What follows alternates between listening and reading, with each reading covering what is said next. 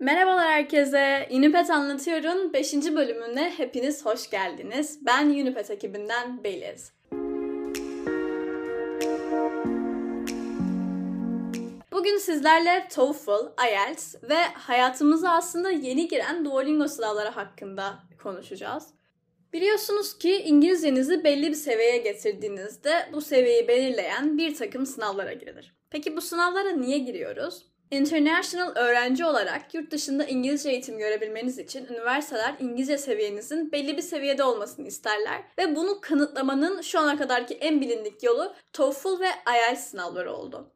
Ancak geçtiğimiz pandemi sürecinde bu sınavlara ek olarak çok fazla üniversitenin kabul ettiği Duolingo sınavıyla tanıştık. Üçünün de birbirinden farklı ölçüm noktaları olduğu için bugün sizlere bunlardan bahsedeceğim. İlk önce TOEFL'la başlayalım isterseniz. Amerika'ya üniversite için başvuranların çoğunlukla tercih ettiği bu sınav, Amerika'daki 10 okuldan 9'unun kabul ettiği bir sınavdır. Çok yüksek bir oran. Aynı zamanda İngiltere'de de kabul görür. Avustralya, Kanada ve Yeni Zelanda'da ise bazı okullar tarafından geçerli kılınır. E, bunun geçerli olup olmadığını okulların internet sitesine e, kabul koşullarına bakarak öğrenebilirsiniz. TOEFL sınavı IELTS'e kıyasla bilgisayar ortamında alınır ve 2020'den beri ev ortamına girebilmeniz için de ek olarak Home Edition isimli bir versiyonu mevcut. Resmi bir geçme puanı olmadığı için de başvurduğunuz üniversiteye göre almanız gereken skor büyük değişiklikler gösterebilir. Aynı şekilde almanız gereken skorları her üniversitenin yabancı öğrenci kabul koşulları bölümünde e, bulabilirsiniz.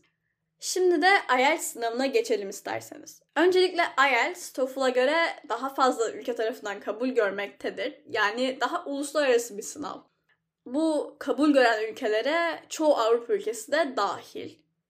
IELTS'in ise IELTS Academics ve IELTS General Training olmak üzere iki farklı seçeneği vardır. Öğrenciler için en çok tercih edilen ve en uygun görülen versiyonu ise IELTS Academic'tir. IELTS'in evde alınabilen versiyonu olmasına rağmen e, bu versiyon TOEFL'ın ve e, birazdan bahsedeceğim Duolingo sınavının kabul edildiği kuruluşlara kıyasla çok az kuruluş tarafından kabul edilen bir sınavdır. E, çoğu üniversitede IELTS'ten 6 ile 7,5 arasında bir bantta sizden not beklemektedir. Duolingo testi ise pandemi sürecinde hayatımıza girdi ve hala yurt dışındaki çoğu üniversite tarafından kabul gören bir sınav aslında. Fiyatı ve sınav süresiyle TOEFL'la ve IELTS'e çok büyük bir fark atan bu sınavın popülerliği de gitgide artmaktadır. E, Duolingo'nun hangi okullar tarafından e, geçerli olduğunu daha detaylı araştırmak istiyorsanız Duolingo'nun kendi internet sitesinde arattığınız okulları bulabiliyorsunuz. Eğer arattığınızda okulunuz, başvurmak istediğiniz okul orada varsa demek ki o okul e, Duolingo testini kabul ediyordur. E, gelelim sınav ücretlerine ve sürelerine. IELTS ve TOEFL sınavları ücret bakımından neredeyse aynılar. Güncel e, dolar kuruyla ve euro kuruyla IELTS 1400 liraya eşit, TOEFL ise 1385 lira. Duolingo ise bu iki sınavdan gerçekten çok daha düşük olan 49 dolar yani güncel kurla 422 Türk lirasına denk gelmekte.